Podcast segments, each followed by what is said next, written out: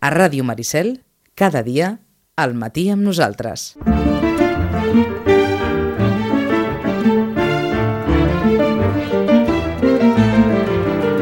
I és que això dels llibres és com, com les aficions.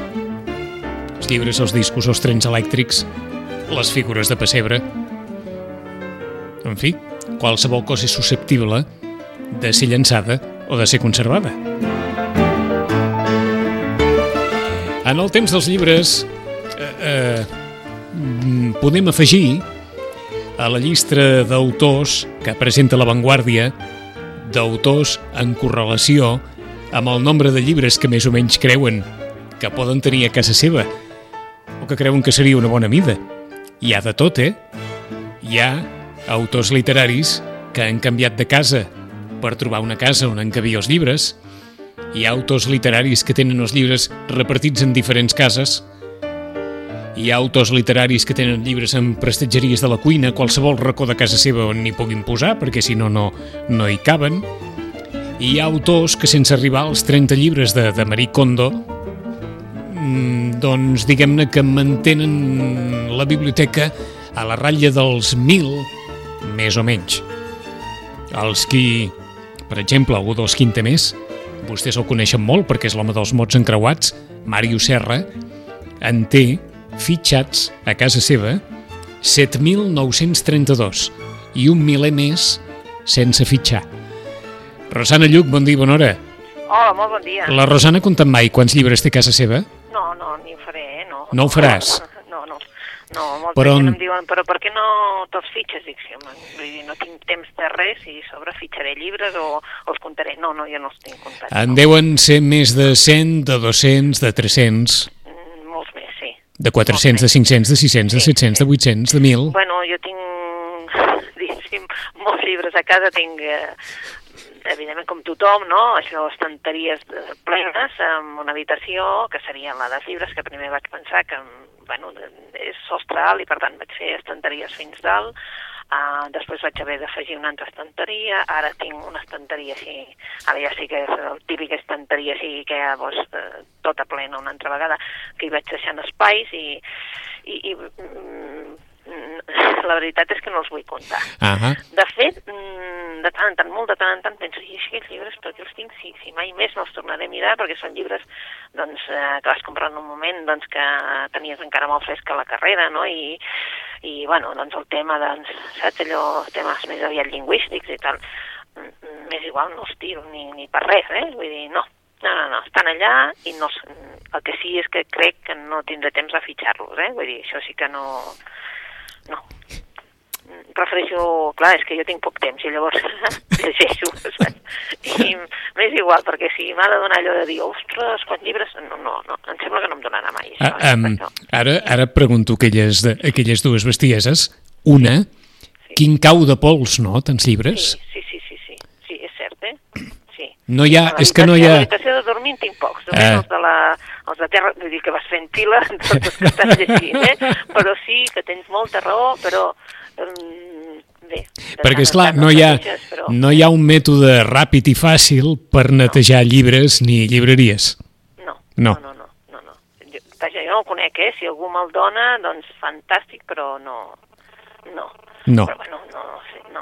I, i, i segona, que d'alguna manera lliga amb, eh, en fi, en el, en el mètode de, de Marie Kondo, tot allò que tens i que ja no tornaràs a consultar, no tornaràs a llegir, no tornaràs a agafar, fins i tot, i que es quedarà en aquella prestatgeria la resta de la vida.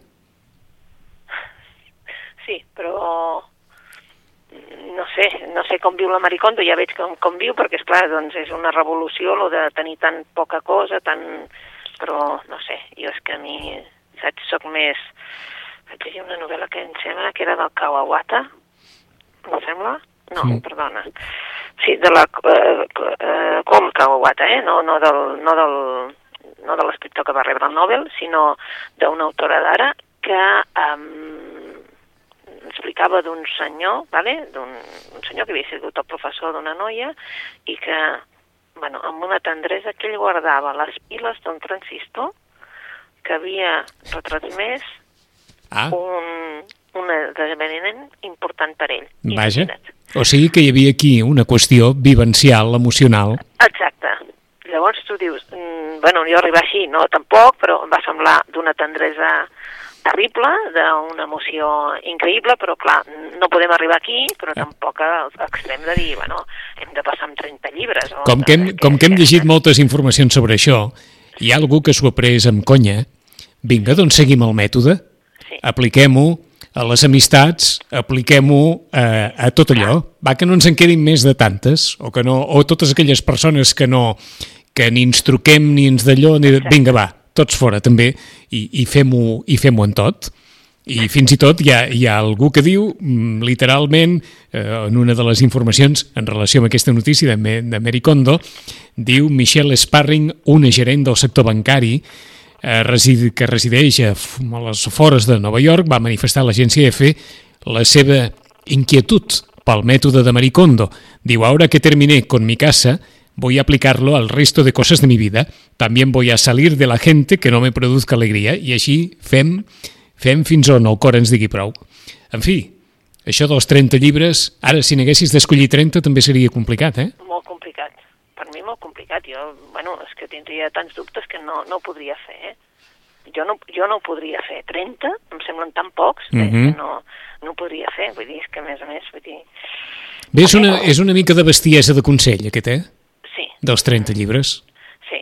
Va- va- Vaja, o bé és que és poc lectora, que també pot ser, eh?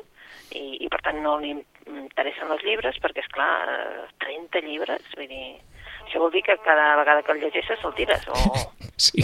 vull dir, o el regales, o Sí, sí. no sé què fas amb el llibre, vull dir... Bé, el, els autors als quals he preguntat La Vanguardia eh, eh, expliquen moltes coses i també parlen de la, de la complexitat d'on donar els llibres que sobren a casa. Ah. Perquè veritablement saben, i en el cas de Sitges parlem les biblioteques i ens van dir fa temps que no poden acceptar més llibres perquè no, no, no, no es dona, no hi ha espai per, per tot això. Eh, de, dels llibres ningú en vol res, perquè no es paga res, literalment res, pels llibres. Exacte. Aleshores, què fem eh, amb els llibres? Els llancem?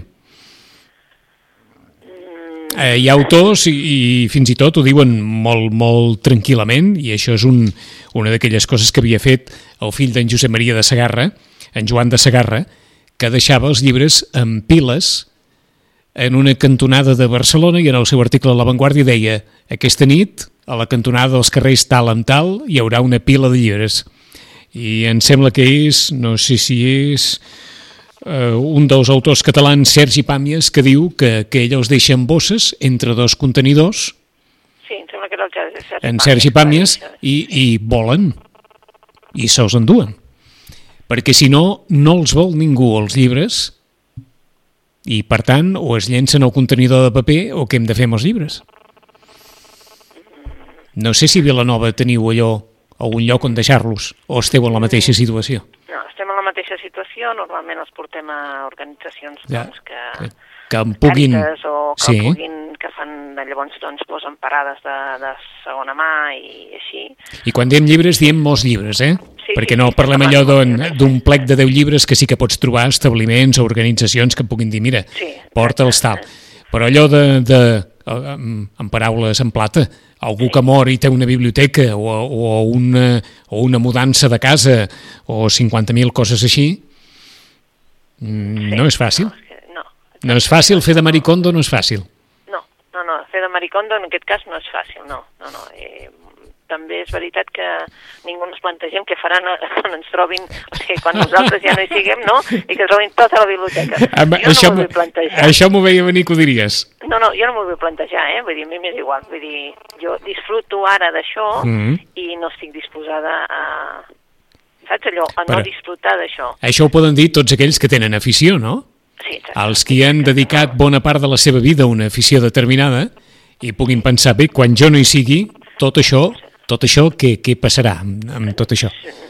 Però no val la pena pensar-ho. No, no, jo no. Jo, jo, jo disfruto de les coses que tinc en el moment en què les tinc i després ja, ja, ja veurem, no? És que, Ahà. clar, si hem de pensar en això, doncs no tindríem res tampoc, eh? Vull dir, però, clar, No, jo no, no, no, no participo de la. Maricondo, la veritat és que sí, ha revolucionat molt, però estem en una època en la que la gent sí, el que fa la gent és doncs eh, passar-se la roba, no? Vull dir, Sí. no la vull, doncs la passo amb no sé qui, no? Vale, eh, però mm, també veus que mm, un munt de gent comprant roba així, saps allò que dius? Sí, no, sí. no pot ser, no, Com- no pot ser que se'n portin tanta, o sigui, no pot ser Compulsivament, portin compulsivament. tanta. Exacte, saps? Vull dir, no pot Ahà. ser que, que necessitin cinc pantalons, no sé què, no, no pot ser, però molt que estiguin rebaixats. No? Sí que és certa una, Però co bueno, sí que és certa una cosa, eh?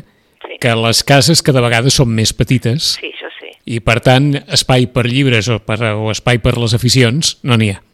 Sí, és veritat, i a més a més vull dir que allò, aquella, aquell, allò que passava en el segle XIX, no? que tenia una biblioteca era signe de prestigi, era, Sí. tenir allò era, doncs no, perquè tenies el saber a dintre de casa, etc etc i la gent doncs t'envejava per això. Avui dia doncs, doncs no és així, no és així, però també jo crec que la gent que està molt convençuda de que vol els llibres ja troba un espai, eh? I, bueno, o fa com jo, que com que les primeres estanteries eren bastant més amples, vull dir, tens doble fila, ja està. Mm. I les ara no ho són, però Exacte. vaja, tinc doble fila i, i ja sé que direu, oh, doncs no, doncs no saps el que hi ha darrere. Um, sí, sí sé el que hi ha darrere. I quan em poso molt nerviosa quan algú m'està parlant d'un llibre o una cita, en el, suposo que com tots, eh, que som així de passionals, quan algú cita al- algun autor en el, és igual, eh, en un programa, i tu penses, això és de tal llibre, i no el trobo, mare de Déu, perquè no dormo, o sigui, el vaig de trobar. Jo soc dels que ha de trobar el llibre que estigui buscant en aquell moment, i el trobo, eh? Doncs felicitem, en Sí. aquest cas, dins de tots els autors que parlen, Sí. en eh, Màrius Serra, perquè els té tots fitxats, classificats, etc etc. Sí, és molt ordenat, eh? Molt. El Màrius, la veritat és que és molt ordenat, eh? I també això, clar, és que també la seva feina també és, no? De, ho deu necessitar també una mica per la seva feina, per dir, no? De, Està clar. Tenir, de, de buscar les paraules adequades en el moment adequat i sí, Bé, tot això venia per Mary Kondo, o Marie Sí. Kondo, sí, que en qualsevol cas tampoc és una novel·la, és un, és un llibre que, que ensenya o que d'alguna manera també permet moltes reflexions sobre tot allò que tenim a casa i que, i que també ens hauríem de desprendre en algun moment o altre, que, que també valdria la pena en, en algun moment donat. Allò que et toca fer a vegades quan hi ha quan hi ha alguna obra o tot allò, vinga, llavors sense ordre o ho fots tot al carrer, així pam, a la, a la primera, doncs si es pot plantejar amb un cert ordre, millor, millor encara. Vinga, eh, eh, des del darrer dia, des de, des de fa 15 dies enrere, les coses han canviat en el sentit de novetats que han aparegut? moltíssimes. Moltíssimes. moltíssimes. Eh? Per una banda, ve la, la setmana de BCN Negra, o sigui, ve, ve la setmana de, de, de que apareixeran autors de novel·la negra a Barcelona, etc etc, que això es passarà dintre de pocs dies, i per altra, vull dir, hem començat la carrera de Sant Jordi, o sigui, ja tothom està publicant de cara a tot el que ens estan explicant i a tot el que surt d'aquí cap a Sant Jordi. Ja saps que serà un Sant Jordi diferent, Sí, i perquè la data no és bona, diguéssim, no és bona, no, no per la data, eh, sinó per on te cau, i el que passa és que tots els editors en aquest moment estan ja doncs, preparant tota la maquinària de cara a Sant Jordi, i llavors, clar, surt tanta novetat que de vegades doncs, dius, mare de Déu, com hem de fer front a tot això. alguna que t'hagi cridat l'atenció? Bé, de fet, n'hi ha diverses, una que surt la setmana que ve, que ja l'explicarem si de cas l'altra, o si podem avançar, que és el dia que Selma soñó con un okapi, que és una, una novel·la d'aquelles amables, eh, càlides, ja en parlarem, si voleu, la setmana Ahà. d'aquí 15 dies, però en definitiva ara estan sortint doncs, novel·les molt diferents. En aquest cas, una, per exemple, una molt curteta, molt curteta, eh? Um, es diu Paraelga. De moment només ha sortit en castellà, eh? ara els editors veiem que ja s'estan posant d'acord en fer coses català-castellà, encara que no siguin la mateixa editorial. Uh, aquesta només té 126 pàgines. Eh? Paraelga ve d'Islàndia. Um, bueno, uh, diguéssim que l'autor és difícil de pronunciar, Bergsvein Birgisson, es diu Mhm. l'autor, i per Elga té una portada en la que hi ha una senyora, vale? uh, vestida amb un vestit blanc, així, tipus anys, uh, diríem, 40, 50, diguéssim, mm? amb, també, i és una portada així que tot al costat, saps? Tot un requadre de color rosa fluorescent, vull dir, i per a Elga també va amb rosa fluorescent. Per què aquest, eh, aquest títol o per què aquesta, aquesta obra ressalta dintre les altres? La publica Lumen, i per a Elga és eh, un fenomen literari que ha sigut a Islàndia. Per què? Eh, és un fenomen literari però no és un Ken Follett, per entendre'ns. Eh? Un fenomen literari que els llibreters i els eh, d'Islàndia i els lectors de molts altres països han considerat que és una gran obra. És tan una gran obra que suposo que recordareu eh, l'autor, el Carl Ove Knausgård, vale? que ha fet aquell llibre, que són sis volums, que es deia La meva lluita, Milucha, mm? doncs ell va crear una editorial i va ràpidament contractar aquest llibre perquè és, el, és un narrador, creu ell, extraordinari. Per a ell ens explica una història uh, que, que escriu un, és com una carta que escriu el Figerni, eh?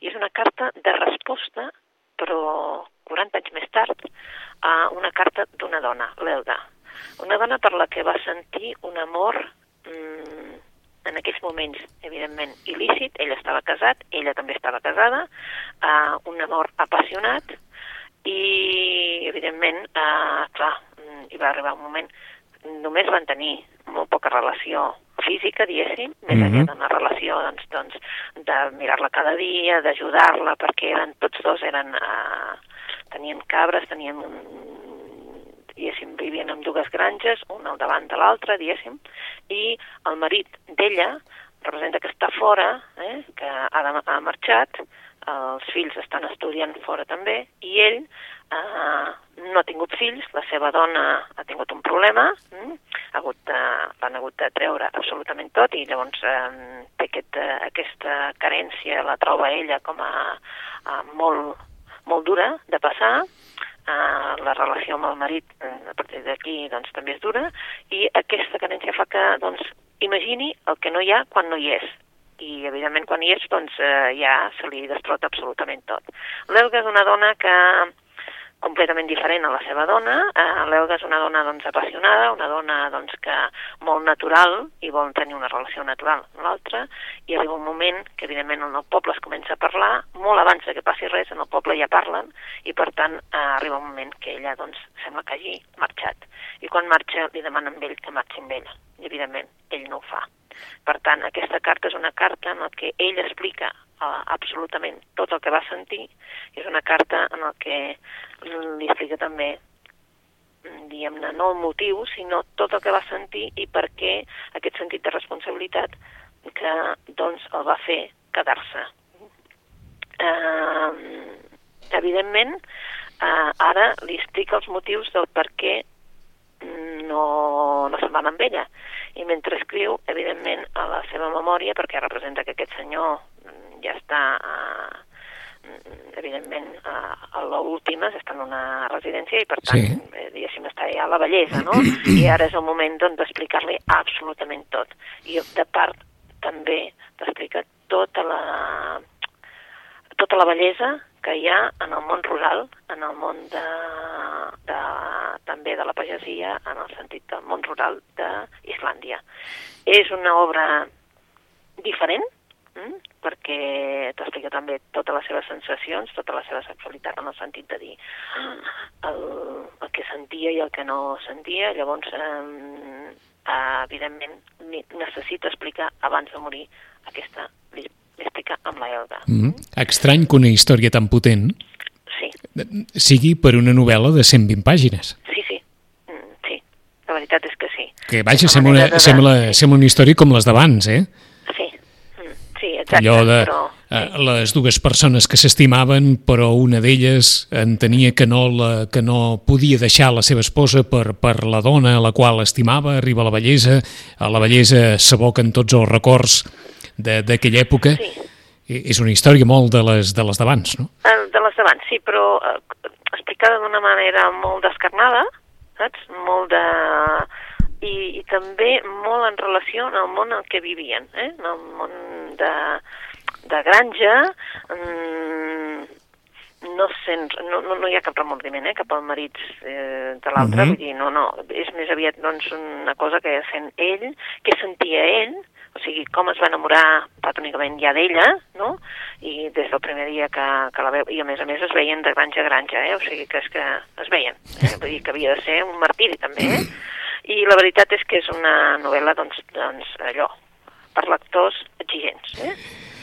Paraelga, No sé, de, Paraelga. de Bergsvein Birgisson. Exacte. Aquesta història, aquesta història potent, explicada en una novel·la molt curta de 126 pàgines, acabada de sortir. Per on seguim? Pues seguim per una altra que també acaba de sortir en català i en castellà. En català la publica Angla i en castellà la publica Anagrama. Estem parlant de, bé, doncs, de l'expedient de la meva mare. L'expedient de la meva mare d'Andràs Forgach. Um, què passa? Doncs estem mm, molts anys després de la desaparició del, del règim comunista a Hongria, l'Andrés Forgach, eh?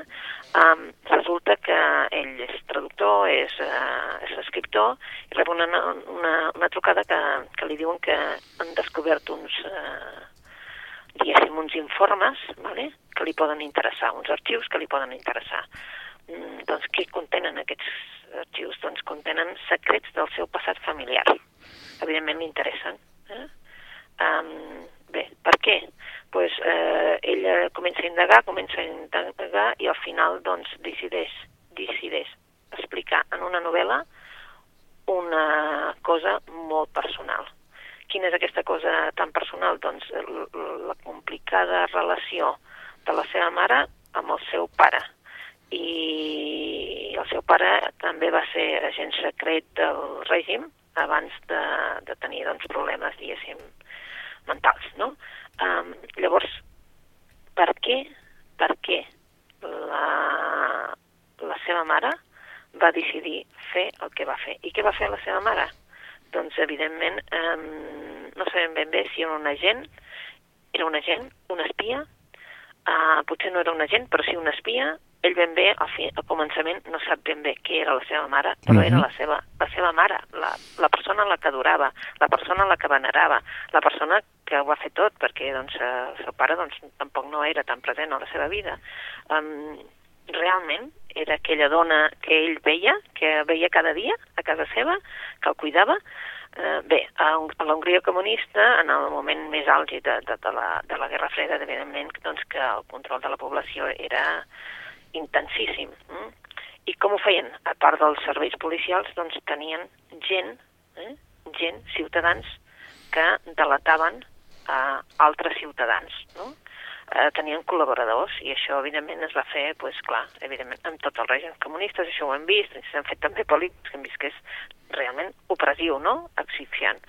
Però és que, és clar resulta que la seva mare va expiar, va espiar fins i tot amb el seu fill i els amics del seu fill. Clar, descobrir això, de que la teva mare t'ha espiat i ha fet informes sobre tu i els teus amics, és molt gros.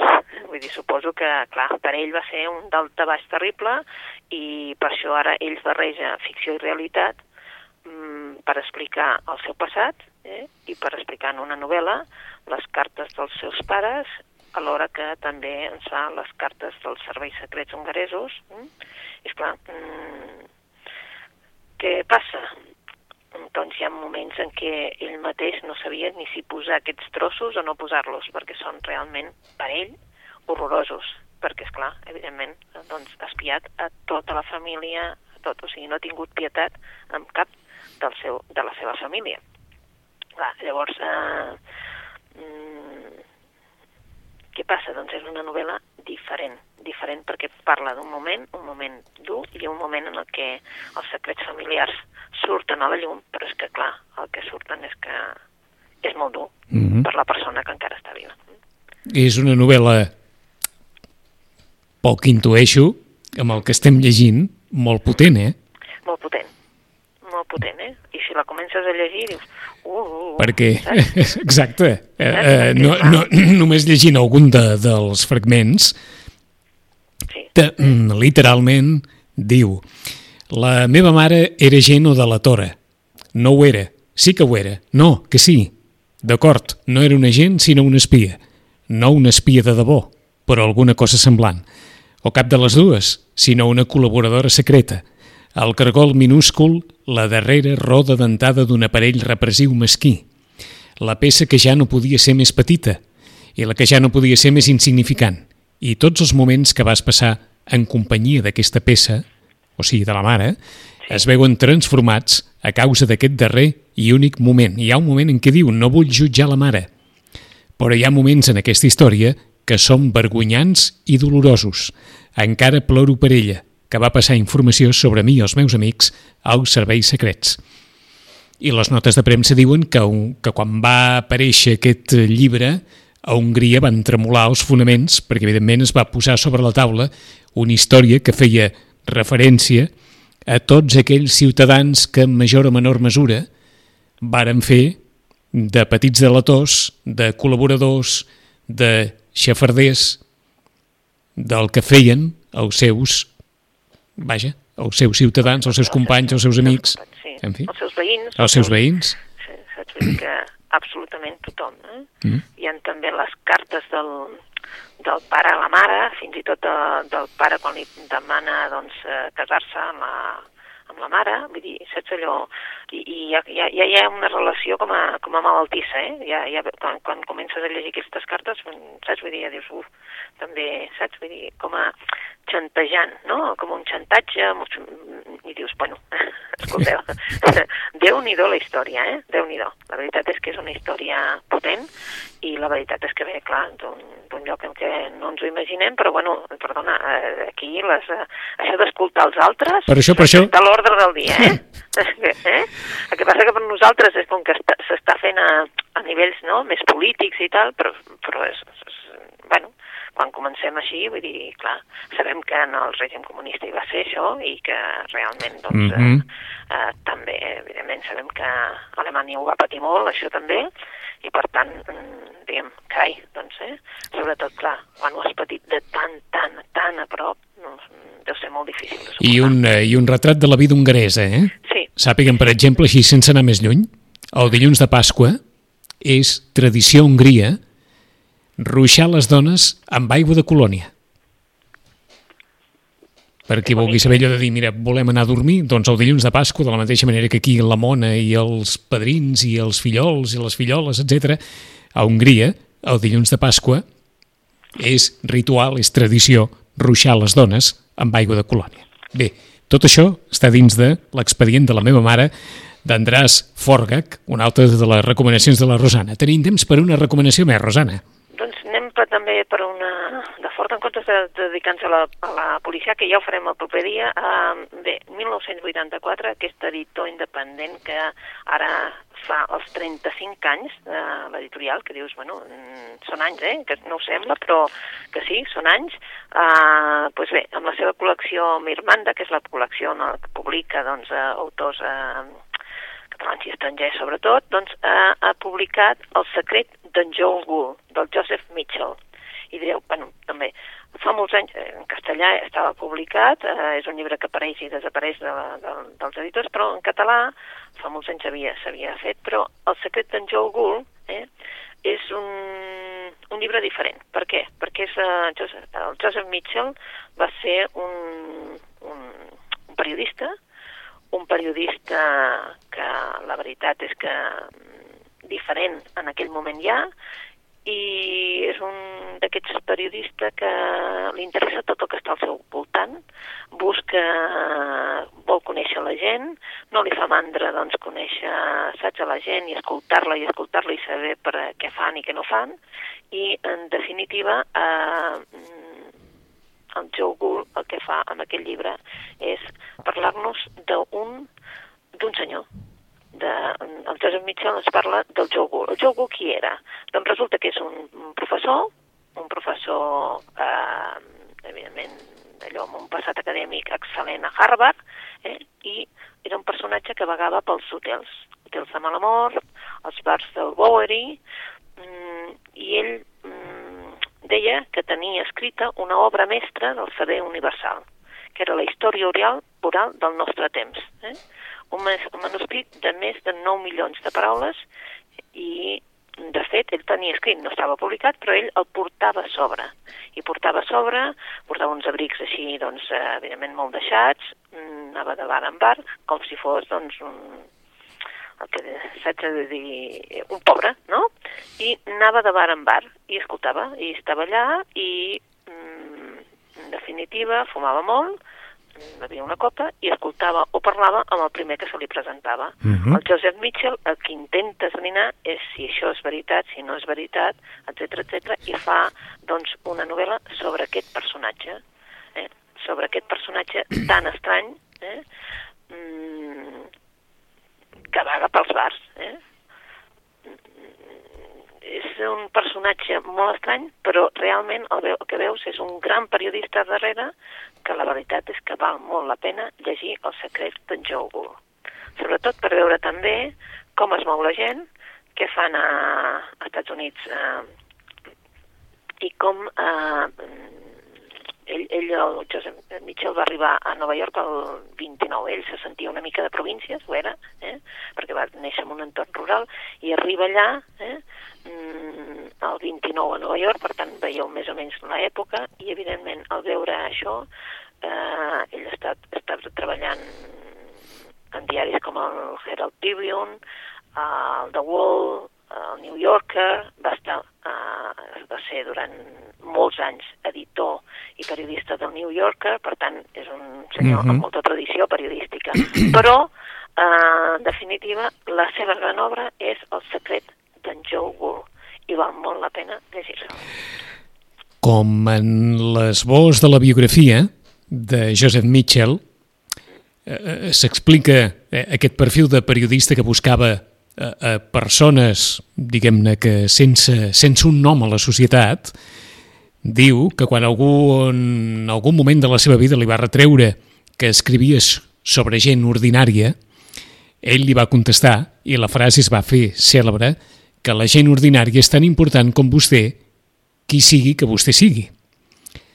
I aquesta frase, diguem-ne que està al darrere d'aquest llibre d'un home al qual la premsa americana en el seu dia em va dir que era un cronista de l'insòlit i l'original. O sigui, que buscava això des d'estrelles de Broadway fins a magnats de reputació dubtosa, des de domadors de circ a poetes i pintors. Doncs aquest era Joseph Mitchell i El secret de Joe Gould és una de les seves obres. No és una obra molt llarga, 200 pàgines molt i curteta. molt curteta i aquesta és la nostra darrera recomanació d'avui.